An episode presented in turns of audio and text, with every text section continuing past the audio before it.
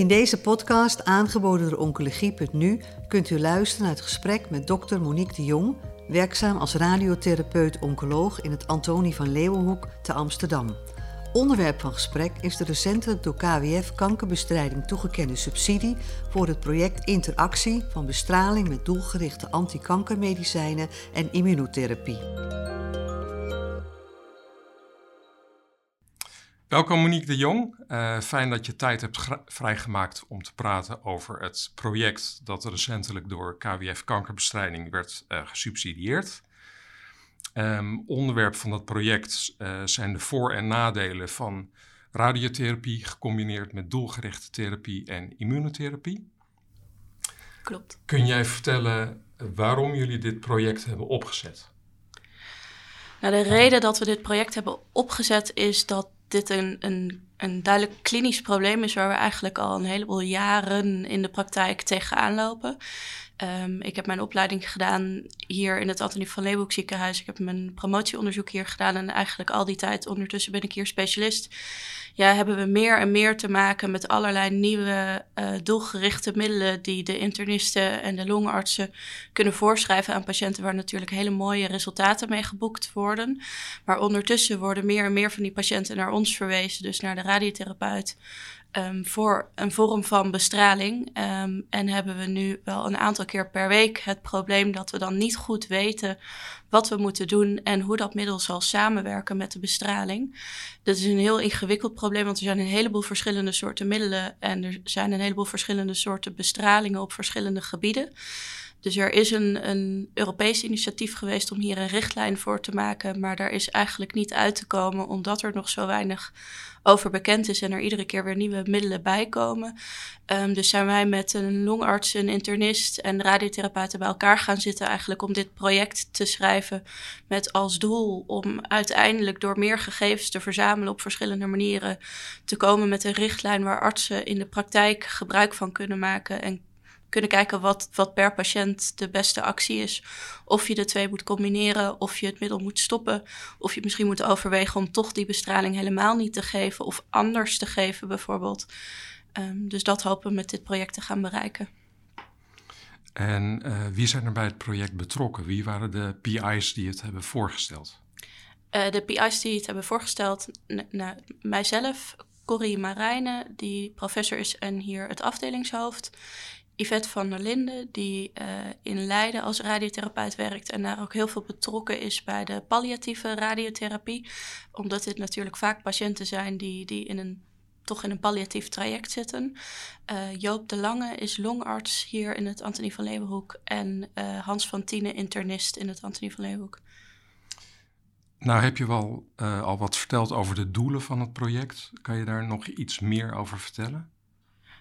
Het doel van het project is dat we komen met een protocol, wat, wat radiotherapeuten, maar ook internisten en longartsen in de praktijk kunnen gaan gebruiken.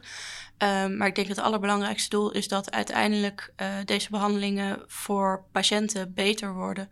Dus we zien zowel patiënten die door de combinatie van een onbekend middel en een bestraling heftige bijwerkingen hebben gekregen, terwijl ze juist vaak in, een, in, ja, in de palliatieve fase zitten we niet goed weten hoe lang ze nog gaan leven en ze een korte bestraling krijgen om van hun klachten af te komen. Als we dan door die bestraling meer klachten veroorzaken, vind, ik dat persoonlijk heel ernstig. Aan de andere kant uh, hebben we ook patiënten gezien waarbij we misschien te voorzichtig zijn geweest. Nou ja, dat, dat zullen we op dit moment nooit weten, maar we in ieder geval dat middel voor langere tijd gestopt hebben. En zien dat dan alle andere, andere uitzaaiingen, waar de patiënt niet op bestraald gaat worden, maar een goed werkend middel voor heeft, dat die ondertussen gaan groeien. Um, dus ik, ik denk met name dat, dat het voor onze patiënten heel belangrijk is dat we en alle informatie die we maar hebben over die combinatie paraat hebben en kunnen gebruiken in het gesprek met de patiënt. Maar waar het protocol ook naartoe wil, is dat de patiënt er voor een deel ook zelf iets over te zeggen heeft. Sommige patiënten zeggen van nou, ik wil niet een risico lopen op bijwerkingen. En andere patiënten die zeggen van nou, het maakt me echt niet uit als ik meer bijwerkingen krijg door die behandeling. Als ik maar geen risico loop dat al mijn andere uitzaaiingen weer gaan groeien. Kan je zeggen hoe het uh, project is opgezet? Hoe wensen jullie de doelen te bereiken? Nou, het project bestaat uit verschillende fasen, um, waarbij we een PhD-student um, nou, op het moment aan het aannemen zijn. Uh, dus die zal met name dit project gaan trekken onder onze begeleiding, uh, waarin in de eerste fase um, er heel gedegen in de literatuur gekeken zal worden naar wat is er per middel al bekend over de interactie met bestraling, uh, maar ook naar de biologie die daarachter ligt. Dus hoe lang blijft het middel in het lichaam zitten? Sommige middelen blijven zo lang in, in het lichaam zitten, hebben een halfwaardetijd van 300 uur, dat je niet hoeft te overwegen om het middel te gaan, te gaan stoppen, want dat is helemaal geen optie. En andere middelen kun je heel gemakkelijk misschien even een paar dagen stoppen. Um, we weten ook een heleboel over radiobiologie, dus via welke pathways, als we het hebben over cel- en genniveau, radiotherapie de schade aanricht in de gezonde weefsels, maar ook in de tumorcellen. Dus op basis daarvan kan je ook al een idee vormen over wat voor soort middelen echt niet met bestraling gecombineerd moeten worden en bij wat voor soort middelen we ons daar minder zorgen over maken. Al die gegevens zullen we gieten in een protocol. Uh, de wereld van de radiobiologen is niet zo heel erg groot wereldwijd. Dus daar hebben we veel contacten. Al een aantal radiobiologen of radiotherapeuten met een radiobiologische interesse benaderd. Daar zullen we uiteraard ook longartsen en internisten bij betrekken. Om dat protocol aan hen voor te leggen. En te zeggen van nou is dit iets waarvan jullie denken dat we daarmee aan de slag kunnen. En vervolgens zullen we dat protocol in een nationale studie in 15 instituten in Nederland gaan uitrollen en gaan gebruiken om vervolgens bij te houden. En dat zal dan de arts doen, maar ook aan de patiënt zelf zal gevraagd worden om vragenlijsten in te vullen om te kijken van uh, zien we onverwachte bijwerkingen van die combinatie van radiotherapie en zo'n middel. Mm -hmm. Of kiest een patiënt er veel vaker voor om te zeggen stop het middel maar, want dat is ook een optie. Als ik het goed begrepen heb, dan hebben jullie vooronderzoek gedaan bij vier combinaties. Ja. Welke vier waren dat? En kan je iets vertellen over wat daaruit kwam? Ja, dus wat wij gedaan hebben hier in het Antonie van Leeuwenhoek ziekenhuis is een, uh, een lijst aangelegd in ons elektronisch patiëntendossier, waar al mijn collega's aan hebben meegewerkt. En die hebben op ieder moment dat ze een ingewikkelde bestraling hadden met een doelgericht middel, dus een, een uh, TKI, een antilichaam of immunotherapie, hebben ze dat bijgehouden op die lijst en bijgehouden wat ze gedaan hebben. Uh, die lijst hebben we ongeveer een jaar bijgehouden. Uh, en van daaruit heb ik uit die lijst gekeken welke middelen we nou hier in huis het vaakste tegenkwamen. Um, en alvast gekeken van nou ja, wat hebben we gezien, wat hebben we gedaan om een soort van vooronderzoek gedaan te hebben. Dat um, waren de VEGF-remmers, de BRAF-remmers, ALK. de ALK-remmers. EGFR. Nee. En de EGFR, inderdaad. Ja. En de immunotherapie was daar wat um, in ondervertegenwoordigd, denk ik. Want dat combineren we wel heel vaak. Maar omdat we qua werkingsmechanisme en ervaring toch het idee hebben dat dat iets beter ja, gecombineerd kan worden dan TKI's, uh, staan die denk ik minder in deze lijst. Dus die zullen waarschijnlijk in dit onderzoek toch ook nog meer naar boven komen. Mm -hmm. Je ziet ook dat ze in toenemende mate worden gecombineerd met radiotherapie. Ja.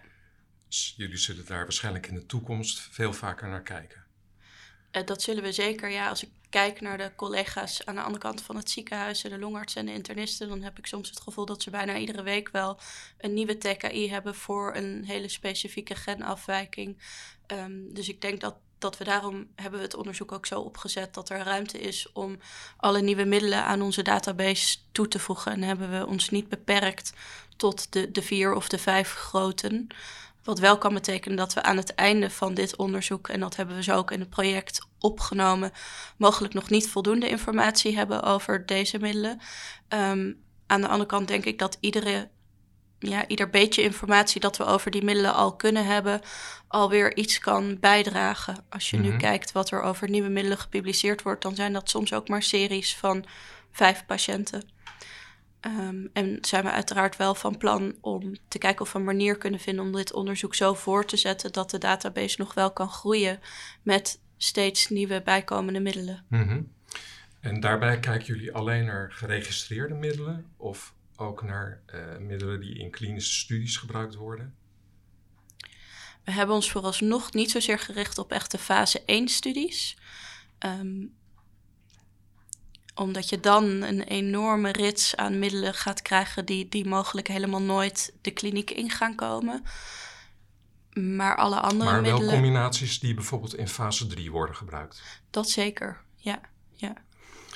En naar welke maligniteiten kijken jullie? Alle. Want ik begreep uit het project dat jullie je focussen op uh, gevorderde carcinomen of gevorderde vormen van kanker. Ja, en dat is eigenlijk niet omdat we ons daartoe willen beperken, maar omdat dat de patiënten zijn die een systemische therapie hebben Mhm. uh, en die dan vaak om een van twee redenen naar, naar ons worden verwezen, ofwel omdat toch een van hun uitzaaiingen gaat groeien en klachten gaat geven en we daarvoor willen bestralen. Maar als alle andere uitzaaiingen nog onder controle zijn, wil je dan toch dat middel nog, nog niet stoppen. Het andere is als ze op een scan zien dat eigenlijk alles goed gaat, maar er één uitzaaiing is die toch gaat groeien. Dan noemen we dat olieprogressie, oligoprogressie. En dan willen we nog wel eens zeggen dat we daar hoge dosis bestraling op geven in de hoop dat dat inderdaad de enige lesie was die aan die systeemtherapie ging ontsnappen. Mhm. En iemand zo nog veel langer door kan gaan met die systeemtherapie. In de lagere stadia kom je dat niet zo vaak tegen dat dit soort middelen gecombineerd worden met radiotherapie, tenzij dat echt in, in een fase 2-studie is. Mhm. En wat de radiotherapie betreft, ehm, begrijp ik dat jullie met name kijken naar gehypofractioneerde radiotherapie? Ja, dat klopt. Ook omdat dat in deze setting eigenlijk bijna altijd het geval is dat de, dat de bestraling gehypofractioneerd is, dus een hogere dosis per fractie gegeven wordt. Dat is zowel voor de palliatieve bestralingen het geval, waar we nou, tussen de 1 en de 5 keer een hogere dosis per fractie geven. Even heel gegeneraliseerd. Maar met name ook bij de oligoprogressie, waar je stereotactische bestralingen vaak geeft, waar je een aantal keer hoge dosis per fractie geeft, heel gericht op de tumor. Een standaard bestralingsschema nou, zou zijn 30 tot 35 keer een fractie van 2 gray. Dat wordt doorgaans in deze situatie bijna nooit toegepast ook zal je effect dan van een middel daar aan toevoegen kleiner zijn. Oké. Okay. Um, jij vertelde al dat um, er wordt een PhD-student aangetrokken Klopt. hiervoor. Ik zag in het protocol of in het project um, dat er ook een datamanager zal worden aangetrokken en ja. een IT-specialist. Klopt. Ja. En wat is hun rol hierin? Nou, de datamanager zal niet één datamanager zijn, maar dat we hebben geld aangevraagd voor één datamanager, maar dat, dat is eigenlijk geld voor datamanagers in die 15 verschillende instituten, uh, die allemaal lokaal zullen moeten bijhouden uh, wat de gegevens zijn van de patiënten die deel gaan nemen aan deze studie. Um, en de IT-specialist hebben we specifiek gevraagd voor een korte periode, maar om ons te helpen met het opzetten van een website. Ik ben zelf van mening dat allerlei papieren protocollen en PDF's niet zo gemakkelijk toegankelijk, toegankelijk zijn. Iedereen loopt met een mobiele telefoon in zijn zak of zit achter een computer en wil even snel iets opzoeken. Um, en daarnaast kan dat ook een manier zijn om heel makkelijk. Dus we hebben gezegd dat we iedere drie maanden dan ook ons protocol zullen updaten. Als je dat op een website doet, dan zorg je er ook voor dat iedereen op het moment dat hij zo'n patiënt ziet, altijd de laatste data beschikbaar heeft en een overzicht heeft. Kan doorklikken bijvoorbeeld naar handige snelteksten die je kan copy-pasten in het dossier. Um, de ene dokter wil alleen maar een korte samenvatting, dus daar beginnen we mee per middel, maar de ander wil toch iets meer achtergrondinformatie. Dus op die manier heb je denk ik met een website een veel interactiever document. En kan je ook links geven naar bijvoorbeeld het farmacotherapeutisch kompas of naar de meest recente artikelen die gepubliceerd zijn op PubMed. Um, dus ik ben daar zelf groot fan van dat dat allemaal iets ja, minder ouderwets wordt. Jij vertelde al dat er 15 centra betrokken zijn bij het project. Ja. Dus dat geeft al aan dat er uh, vraag naar is, denk ik. Dat men, men geïnteresseerd is in het Ja. project. Um, dat zijn waarschijnlijk allemaal 15 uh, nationale centra. Klopt. Maar jullie hebben ook contact buiten de grenzen. Ja. Kan je daar iets over vertellen? Um, nou, de radiobiologiewereld is vrij klein. Um, er, er, zijn een heleboel radiotherapeuten die geïnteresseerd zijn in het, in het fysica-stukje van de radiotherapie. En het stukje biologie achter de radiotherapie. is, is wat mij betreft altijd wat um, onderbedeeld qua aandacht. Wat betekent dat als je naar internationale congressen gaat, dat je ook heel snel ja, wereldwijd alle mensen met een interesse in radiobiologie leert kennen. Uh, wat het ook heel makkelijk maakt om ze dan allemaal een e-mailtje te sturen en te zeggen: joh, we zijn bezig met dit op te zetten. Als we een, een protocolversie hebben liggen, willen jullie daar dan naar kijken en daar je oordeel over geven en zeggen waar het mogelijk nog beter kan. En hoe werd dat tot nu toe ontvangen? Goed, gelukkig. Ja. ja. Dus ook buiten de grenzen zie je dat daar interesse voor is. Ja, nee, ik, ik weet ook dat zowel de Europese als de Amerikaanse radiotherapieverenigingen zich gebogen hebben over dit probleem. Uh, het is ook niet voor niets aangegeven als een van de top 10 ehm, punten waar nog onderzoek naar gedaan moet worden in de Nederlandse Vereniging van de Radiotherapie. Um, maar dus ook wereldwijd loopt iedereen tegen dit probleem aan en is op zoek naar een, naar een protocol dat je op dit moment eigenlijk niet goed kan opstellen zonder daar een bepaalde mate van onzekerheid in in te bouwen. Want we hebben geen gerandomiseerde studies die laten zien dat um, bestraling met of zonder middel A of B wel of niet goed uitpakt. Dus je, je, moet op de een of andere manier toe, denk ik, naar een dynamisch protocol waarbij je ja, in overleg met de patiënt toch iedere keer op dat moment de beste beslissing probeert te maken. Mhm.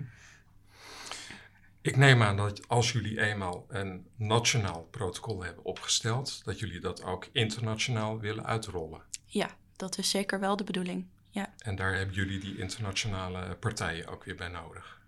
Ja, Um, Gebeurt het ook onder het mom van een overkoepelend orgaan? Nou, dat, dat hebben we op dit moment nog niet helemaal gedefinieerd in het project hoe we dat zullen doen. Uiteraard um, zal aan het eind van de studie zal er een publicatie volgen. Um, zullen we hopelijk de studieresultaten op internationale congressen publiceren. En zijn er verschillende ideeën over hoe we tegen die tijd verder zullen gaan met deze studie. Um, ja, je zou kunnen denken aan een website die je up-to-date blijft houden, maar dan moet daar wel weer nieuwe uh, funding voor zijn. En die funding die zou uit verschillende kanalen kunnen komen, dus mogelijk zijn ja, toch farmaceuten, um, internationale verenigingen, uh, ziektekostenverzekeraars geïnteresseerd om, om dit een website te maken die toegankelijk blijft en die up-to-date blijft.